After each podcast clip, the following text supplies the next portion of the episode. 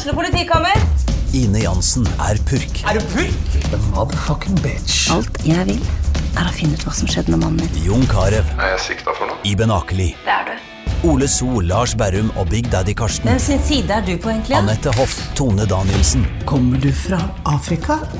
Jørnis Josef, Nesten. Kløfta. Trond Espen Seim, Det er synd å si det, men det var feil mann som døde. Purk. Premiere tirsdag på TV2 Play.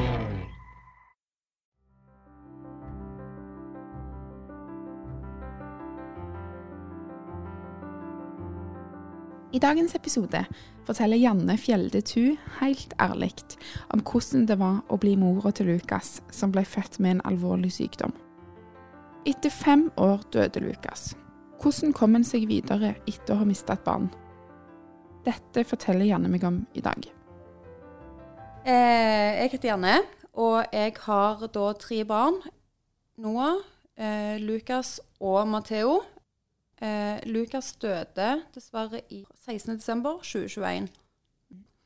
Eh, Lukas ble jo født i eh, februar 2016. 27. februar.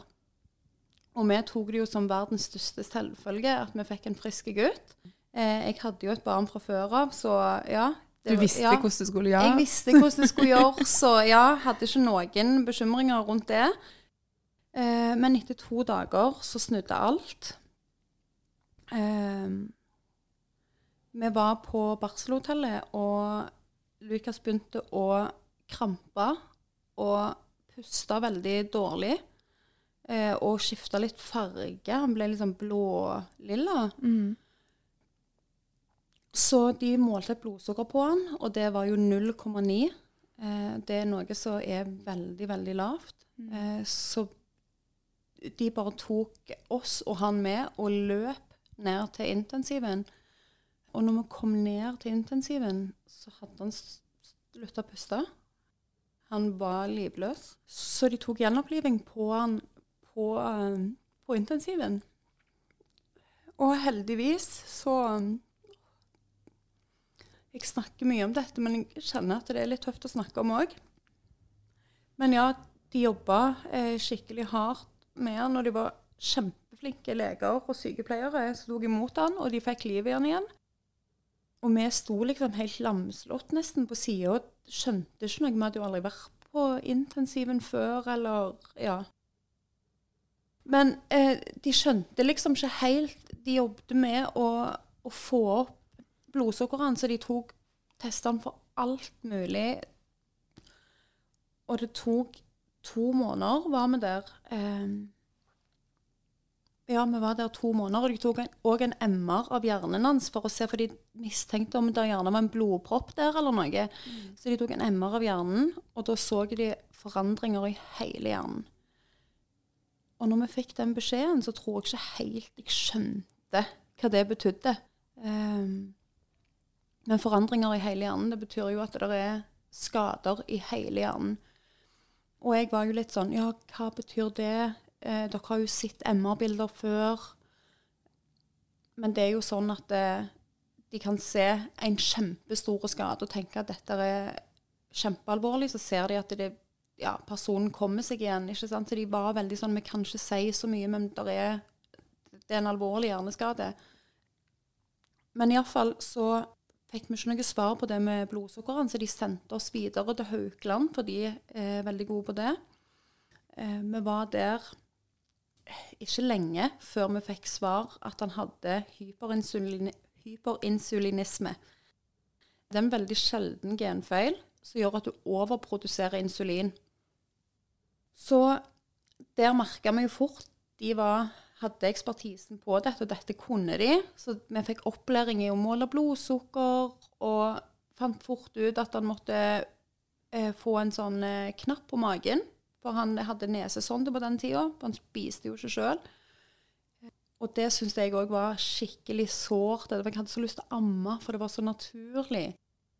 Det er liksom sånn Det er sånn jeg, det jeg så for meg at jeg skulle gjøre. Amme og gå i barselgruppe og sant.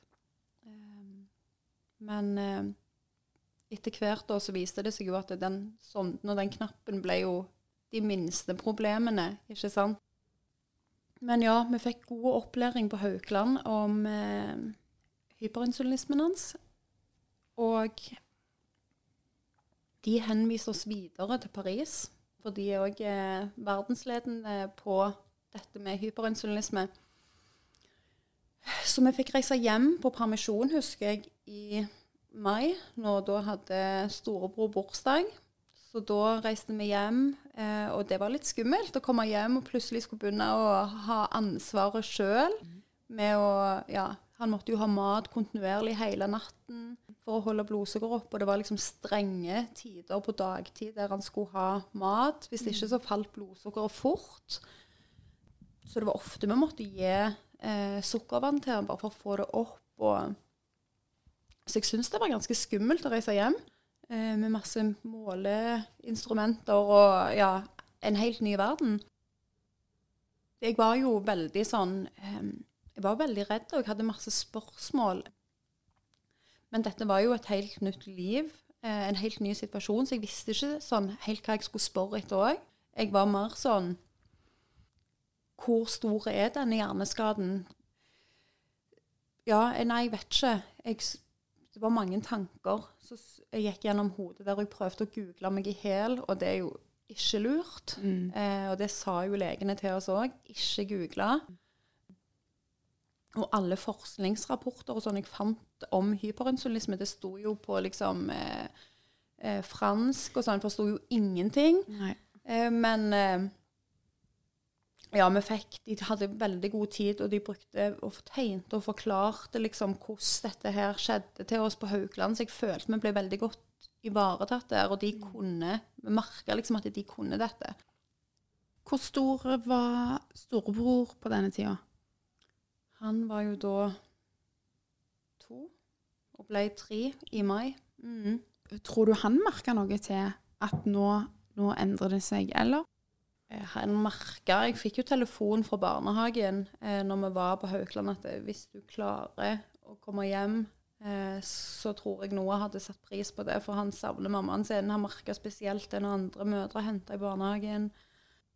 Og det, jeg er glad for at de gjorde det, for jeg var jo i den der bobla sjøl. Og jeg følte liksom jeg måtte være der og passe på Lukas. Jeg trengte alt informasjon jeg kunne få fra leger og sykepleiere. Så, så du ble liksom helt opphengt i det, så jeg var veldig glad for at hun eh, i barnehagen ringte meg og sa det at du, Noah trenger deg. Så, så, jeg har hatt mye dårlig samvittighet for at jeg ikke var mer til stede for han da.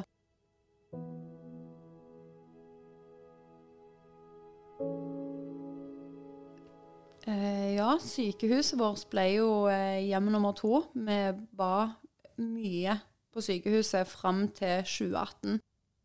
Da var vi inne månedlig hver måned. Eh, og vi kunne være der alltid fra sånn tre dager til noen Ofte var det et par uker.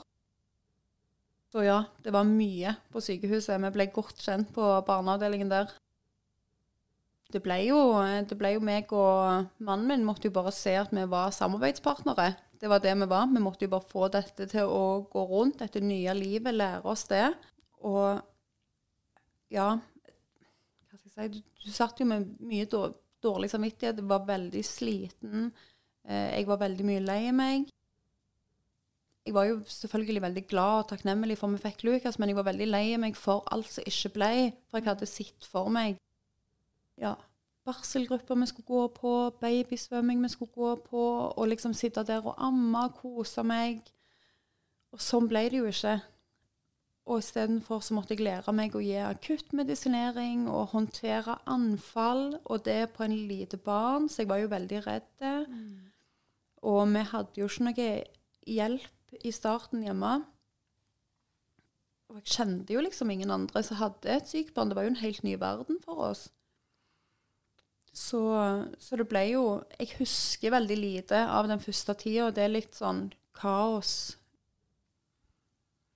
det å få et sykt barn, det er nesten som å løpe maraton i motgang, holdt jeg på å si. Det, det, mm. jeg vet ikke hvordan jeg skal forklare det, for det er, du kommer inn i et helt nytt liv, og det er så mye du skal lære deg. Eh, ja, du må passe på å huske å få resepter på medisiner, du skal følge opp. Det var fysioterapi, ergoterapeut.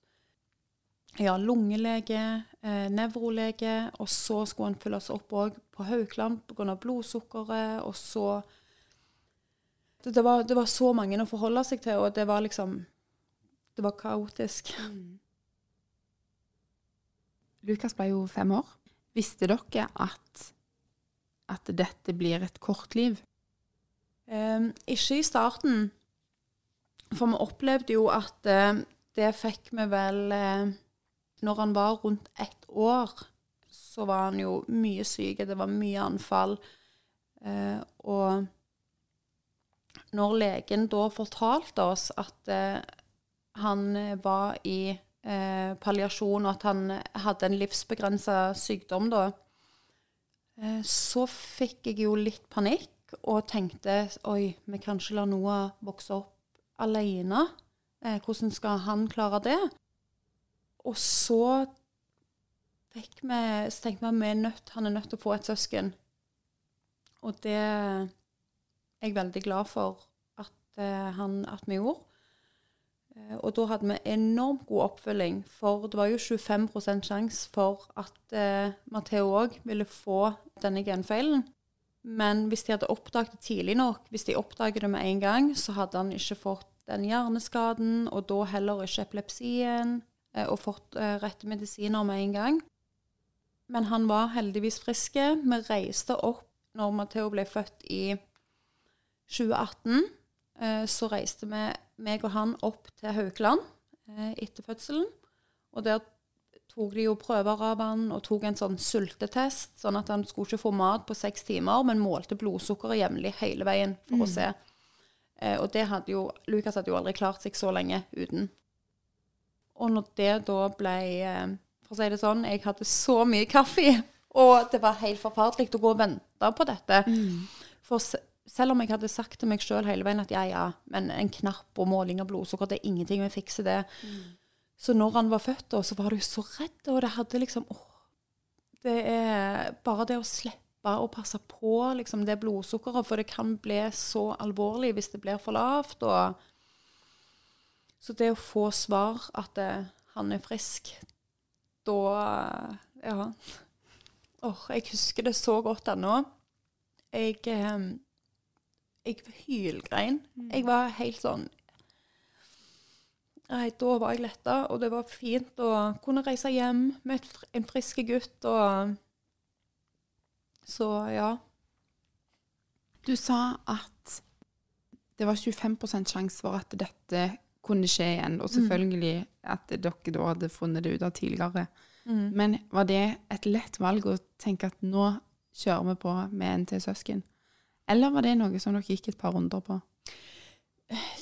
Det var egentlig et valg vi tok fordi at jeg hadde ikke lyst til at noe skulle stå i det alene. Hvis vi mista, eller hvis, når vi fikk beskjed om at Lukas ikke kom til å ha et langt liv, så visste jo ikke verken vi eller legene om han kom til å bli 5, 10 eller 15 år.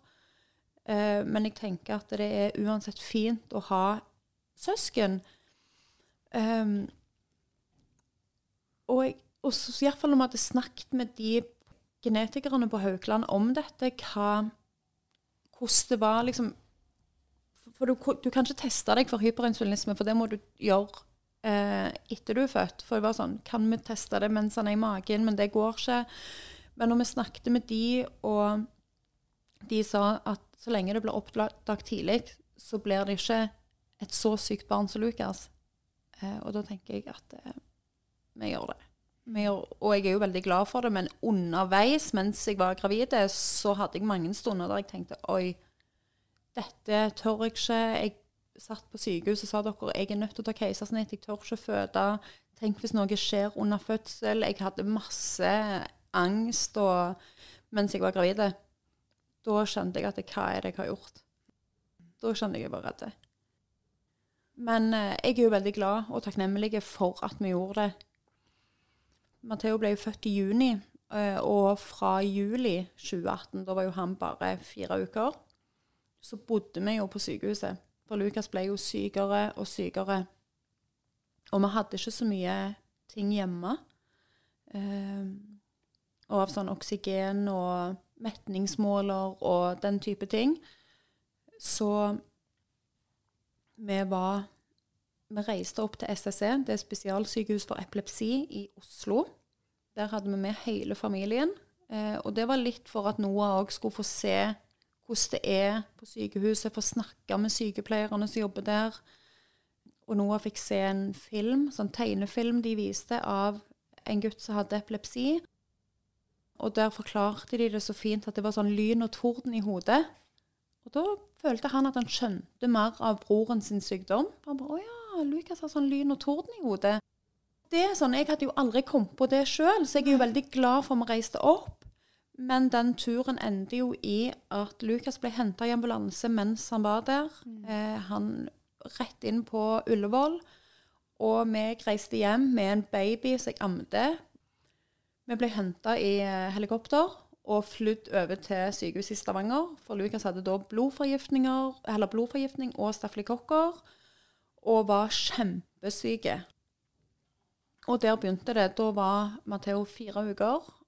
Øystein og Noah kjørte jo da fra SSC, for det er ganske mye utstyr som skal med. Eh, liksom med medisiner og mat og bleier og ja.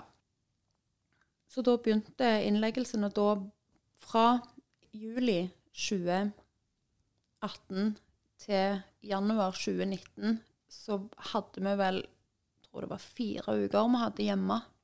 Resten var vi på sykehuset. Eh, og i januar da så fikk vi et hjemmesykehus, for å si det sånn. Da fikk vi oksygen hjem, vi fikk eh, hostemaskin, eh, CPAP, BIPAP. Alt det vi trengte for å behandle mye hjemme sjøl. Det høres jo veldig fint ut at dere slipper å være på sykehuset, for da Ja. er hele familien samla. Mm. Men jeg tenker jo òg for meg og deg som ikke er helsepersonell, Mm. det å få disse, alt dette utstyret hjem som ikke er Som du skal styre sjøl. Ja. Hvordan var det? Det var et stort ansvar, men jeg var så sliten.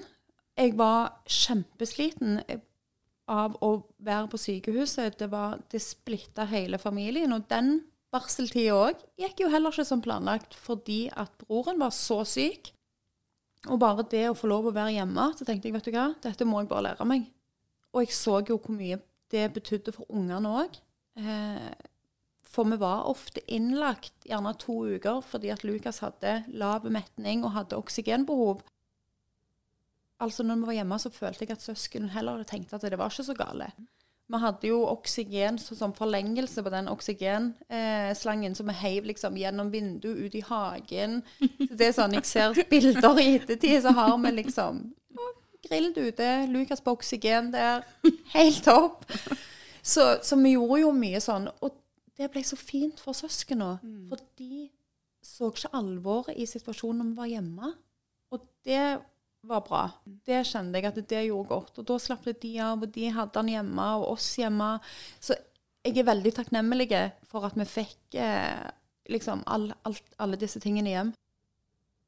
Det hjalp jo veldig på Noah når han fikk beskjed, eller fikk se denne filmen når han var på SSC. Da løsna noe for han, for da var det sånn Å ja, Lukas har lyn og torden i hodet. Ehm, så jeg prøvde jo hele veien.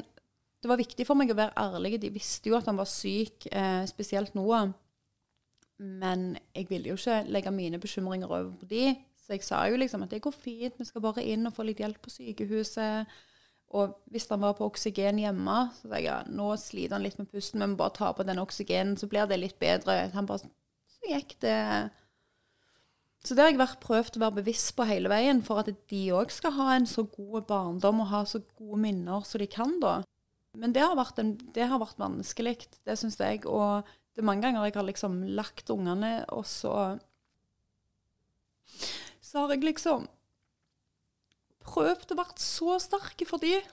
Og så etter jeg har liksom lest en bok og sunget, og så må du bare opp og grine. For du er liksom så sterk, for jeg tenker jeg ville ikke grine foran de, for da tenker de 'Å, nå er mamma redd'. Da må vi òg bli det. Så jeg har jobbet mye med det å ikke vise at jeg var redd til dem. Jeg prøvde liksom å Jobbet mye med å skjule det, fordi, sånn at de ikke skulle være redde. Mens Lukas levde, og i tida etter han døde, fikk Janne og familien god støtte fra Løvemammaene. Det er en organisasjon som jobber på tvers av diagnoser, og jobber med å opplyse og forbedre rettighetene til barn og unge med sykdom og funksjonsvariasjon. Jeg er veldig takknemlig for Løvemammaene har jo betydd mye for oss. Jeg vet liksom ikke helt hvordan vi hadde kommet gjennom denne tida uten de. Ikke bare at de har vært der som tilstedeværelse mens Lukas levde, men jeg tenker de har liksom bistått med hjelp på å skrive søknader, og av og til bare ta en telefon til noen som vet akkurat hva det er, hva du står i. Du trenger ikke å si så mye. Så løvemammaene har betydd mye har betydd og betyr veldig mye for oss. Og det de har både vært mens Lukas levde, men òg etterpå. Når dere reiste inn på sykehuset for siste gang, visste du da at nå nærmer det seg noe? Den siste gangen vi reiste inn, da hadde han jo fått så mye akuttmedisin hjemme. Så ambulansen kom og hentet han.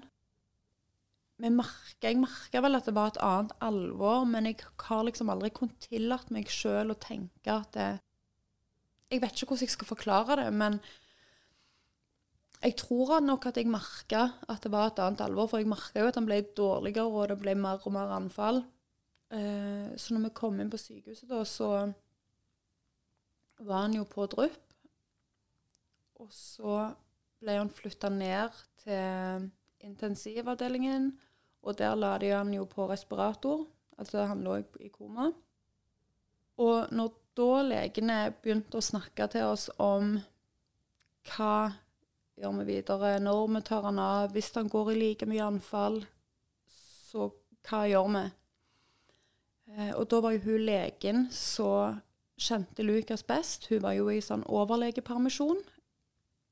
Og jeg sa det er viktig for meg at dere får Bente ned her. Hun må vi ha. Eh, ja, vi må ha ei som kjenner han godt her. Eh, og hun, fantastiske som hun er, kommer jo selvfølgelig ned eh, til Stavanger og blir med på dette møtet. Og det var tøft å sitte der inne, for da skjønte du jo at det er OK. Jeg, jeg, sa jo det at jeg stoler 100% på hennes avgjørelser. Og hun vet at vi òg tenkte livskvalitet foran livslengde. Så da sa de at hvis han går i like mye anfall og vi tar han av respiratoren, så blir det over i terminalfase. Altså det, da stopper de mat og drikke. Og han har jo òg hyperinsulisme, så hvis du stopper maten hans, så klarer han seg jo ikke så lenge. Legene sa jo det at gjerne en dag, kanskje uten mat, ville han klart seg. Så våkna han jo mer og mer til. Og han som var på jobb på, på intensivavdelingen, ga han jo litt akuttmedisin, for han sa vi prøver litt og ser. Eh, men han bare gikk mer og mer i anfall, og jeg hylgrein. Jeg lå på gulvet nesten og hylgrein og bare trygla han om å gi han mer og mer og mer. Og han sto der og sikkert ga han mer pga. jeg var helt knust. Eh, og så sa han til meg Janne, nå kan jeg ikke gi han mer, for han puster nesten ikke. Da var det bra å avslutte. Og det er så brutalt.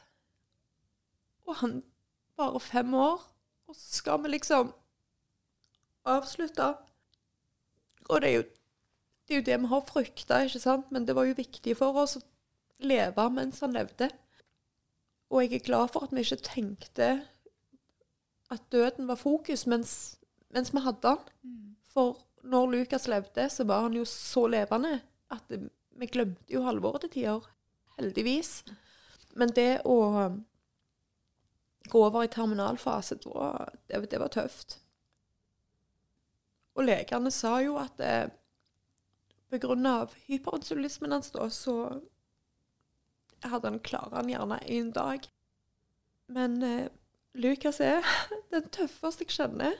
Og til og med den siste kampen der han ikke trengte å kjempe, kjempa han. Tre dager. Det var vondt, og det var veldig vondt å få ungene opp. Han var jo så medisinert at han lå jo der vakker som alltid.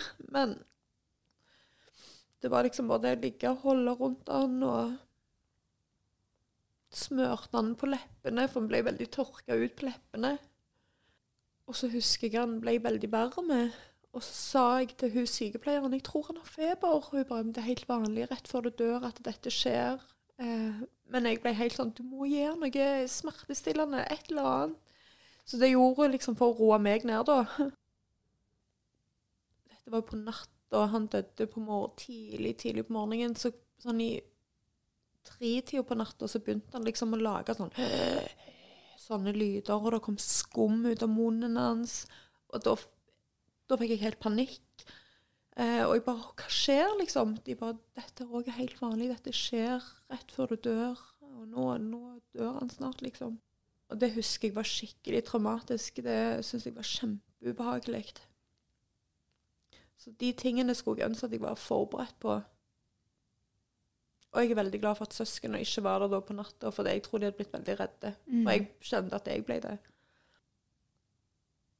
Hvordan var det å si det til ungene? Det er det jævligste jeg har gjort. Det å fortelle Spesielt Matheo var jo tre år, men nå å fortelle til han at nå dør han Altså, jeg så han ble helt knust. Han var utrøstelig. Og han sa bare ja, men du lyver, mamma. Du sa du bare skulle rett inn, og så skulle legene fikse det. For det var jo det jeg sa når jeg reiste inn. Som jeg alltid har sagt. At vi skal bare inn, og så skal Lukas få litt hjelp. Eh, for vi klarte jo i veldig stor grad å hjelpe han hjemme etter vi fikk et minisykehus hjemme. Og jeg sa, vet du jeg, unnskyld, unnskyld, jeg er så lei meg. Jeg trodde at de skulle klare å hjelpe han. Så det, det er det verste jeg har gjort. Han var helt utrøstelig, og jeg ville liksom bare Alt jeg ville, var å si at dette går bra, men det gjorde jo ikke det.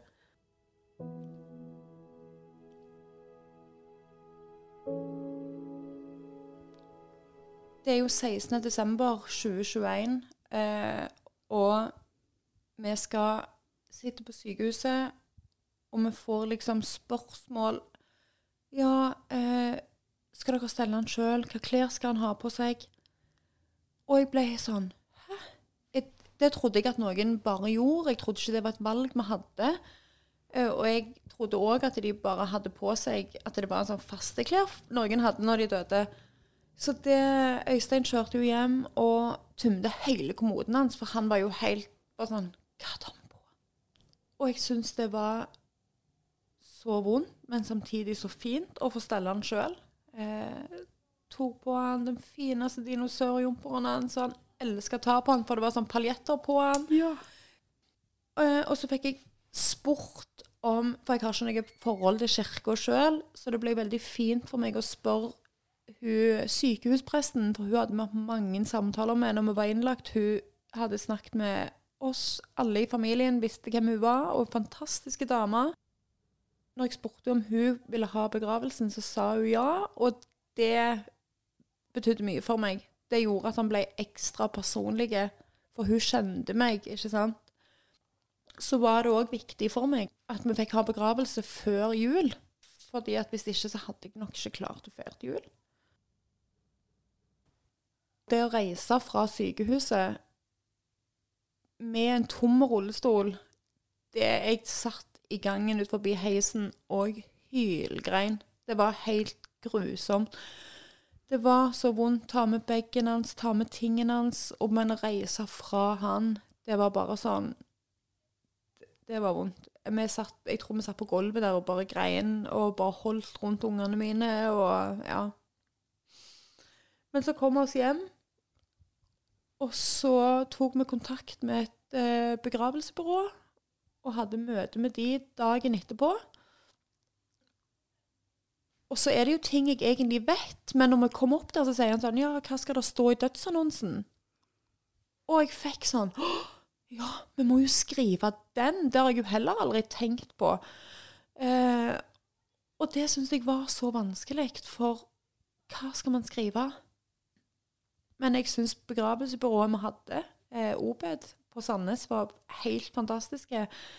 de bare la til rette alt, og vi kunne komme opp og se han der. Han lå jo på kjølerom der fram til begravelsen, da.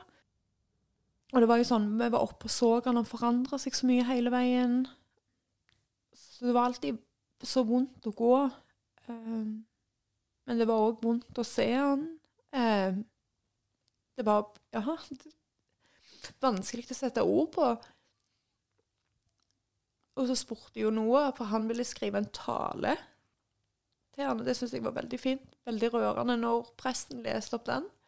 Så vi pynta jo kirka med masse fargerike ballonger, og det ble liksom veldig Lukas sin ånd. Eh, med bilder av han og fargerike ballonger, for han var en veldig fargerik og glad gutt. Det ble en veldig verdig og fin begravelse, selv om det var selvfølgelig den verste dagen. Holdt Ja, det var, det var forferdelig, men eh, det ble en verdig begravelse. Men det som, er, det som jeg har tenkt mye på, er at når du har, du har hatt et alvorlig sykt barn som har vært i palliasjon, og du vet liksom at eh, han vil ha et kort liv, eh, men når han dør, så slettes han på Helse-Norge med en gang. Eh, du får en dødsattest i posten, og så stopper det der. Der er ingen der og tar imot oss. Um, jeg prøvde å ringe til legen òg og si vet du hva, jeg har det kjempetøft. Jeg har en gutt hjemme som er syv år, og eneste han ønsker seg til bursdagen og til jul, det er å dø, for da kan han bære med broren sin. Og hva sier man da? Hva skal du svare? Så heldigvis at jeg har Løvemammaene, og de har en Bære sammen, det er Løvemammaene eh, sitt palliasjonsprosjekt. Eh, og det de sier, er et så godt liv og en så god død som mulig. Og det er akkurat det. Eh, og de kommer jo Og heldigvis, de kom ned til oss etter Lukas døde og hadde ga oss sorgstøtte. De ga oss rette verktøyer til å kunne møte eh, ungene på disse spørsmålene og tankene de har. For det er jo kjempevanskelig. Det var så vanskelig å stå i sorgen til ungene mine. For jeg hadde jo en enorm sorg sjøl òg, og jeg har en enorm sorg. Men det å stå der for de, når de kommer med at de vil dø, for de vil være med broren, det var tøft. Og uten den kompetansen til å bære sammen, så vet tror jeg ikke vi hadde stått samla som familie i dag i det hele tatt. Det var så viktig, og de ga ikke bare oss som familie, men òg assistentene som jobbet for Lukas. De ga de òg sorgstøtte. De var en så stor del av livet vårt, så vi dagen før begravelsen inviterte vi alle hjem til oss. Hadde lysbilder på, og satt og delte minner og grein. Og de kom der, de hadde med julegave til søsken. og de òg hadde mista jobben sin. Og jeg syns jo synd på de, for de betydde jo mye for oss ungene. Så det ble mye forandringer der.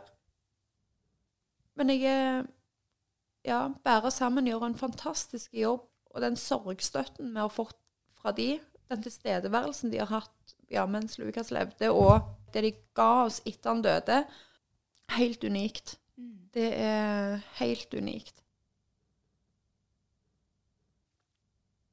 Nå er det snart to år siden Lukas døde. Mm. Hvordan uh, har Jeg kjenner det på hele kroppen. Jeg kjenner at jeg merker meg eh, 16.12. Og ja, det vil nok alltid være den verste dagen i livet mitt. Jeg syns det er helt forferdelig. Jeg eh, merker det på kroppen min at, jeg, eh, at den dagen nærmer seg. Blir det lettere å leve med å mangle et barn? sorgen blir jo ikke mindre, men jeg har vel mer eh, Jeg sleit nesten med å puste før. Det var sånn Jeg sto opp, og jeg hadde så vondt i eh, hjertet. Jeg var hos legen, for jeg hadde så vondt i hjertet. Eh, og hun bare 'Det er angst du kjenner på'. Og det liksom det, Og den kjenner jeg Det, det tror jeg det jeg kjenner på nå òg, når jeg kjenner at Å, oh, gud, jeg har, kjenner stikk i hjertet. og Men, men jeg føler at dagene går Jeg kommer meg gjennom dagene. Vi, vi jobber med å ta hverdagen tilbake, da. Men eh, jeg savner den jo hver eneste dag. Jeg føler meg veldig heldig som fikk være mammaen til Lukas. Han har uten tvil gjort meg til en mye bedre person, for jeg har fått veldig gode verdier, og jeg ser ting på en helt må annen måte. Og jeg er veldig takknemlig for mange ting. Så uansett hvor vondt og tøft dette er, så hadde jeg jo valgt Jeg hadde valgt den igjen. Jeg hadde gått gjennom det samme igjen og igjen. Alltid.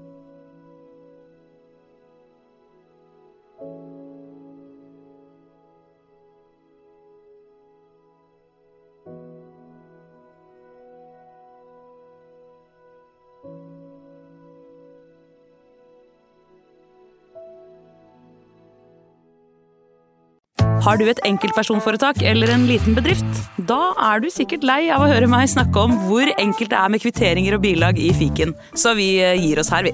Fordi vi liker enkelt. Fiken superenkelt regnskap.